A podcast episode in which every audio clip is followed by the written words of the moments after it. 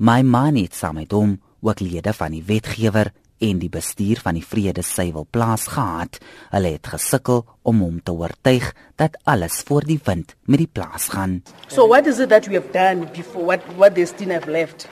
Well, that's what I was explaining mm. to you that we've got more milking cows. We've got uh, we're farming the, the, the, the maize there to reduce the uh, cattle feed expenses and so forth. I, the only thing that amazes me, to be honest with you, sir, you are a chief financial officer. You don't even know who owns the farm. You don't even know any of the beneficiaries who are here. It amazes me. That is incredible. This is this is not an FDC farm. I wouldn't know the, the, the, the beneficiary. Die FDC of die Vrystaatse Ontwikkelingskorporasie het die finansiële bestuur van die plaas oorgeneem. Die finansiële hoof, Shepard Moyo, het die DA sonder enige weerstand probeer oortuig dat hy die plaas probeer regryk. Die FDC het die plaas in 2015 oorgeneem na die oorspronklike vennoot Estina hom van die ooreenkoms onttrek het. Daar word nou beweer dat Estina 'n frontmaatskappy vir die Guptas was en dat hulle meer as 180 miljoen rand ingepalle met wat die provinsiale departement van landbou in die plaas belê het. Van die geld is glo aangewend om die Gupta troue by Sun City te finansier. My money wil die geld terug hê.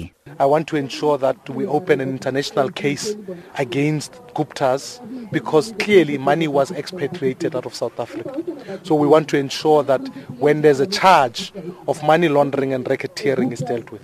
For me, the fundamental issue that we are seeing here today is the betrayal of our people, betrayal of black South Africans, telling them that they are beneficiaries, whilst in fact the only beneficiary here are the Gupta-owned companies.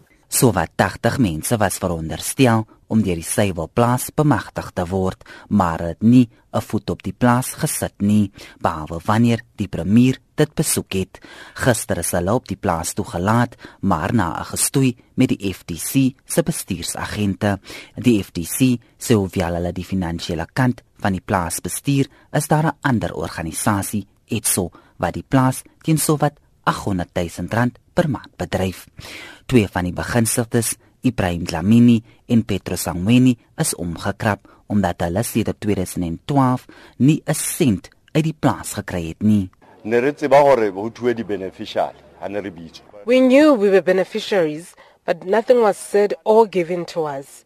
Yesterday, when we asked them, they said the farm was not profitable. They just took our names and then gave the Guptas all the money. That is why we are saying they're making us their toys. Die plaas het meer as 500 koeie en 47 werkers.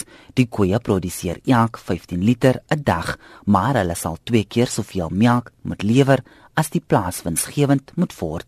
Party van die diere is maar en ander lyk swak. Langs die pad was 'n dooie kalf.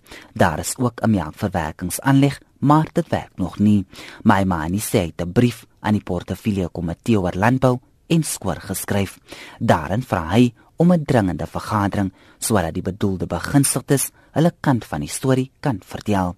Hy sê ook hy het misdaadklagtes teen verskeie ministers aanhang gemaak en verwag die openbare beskermer se verslag oor die plaas binne die volgende paar dae. Die verslag van Angela Bowana, Jean Estreisen, is iconies.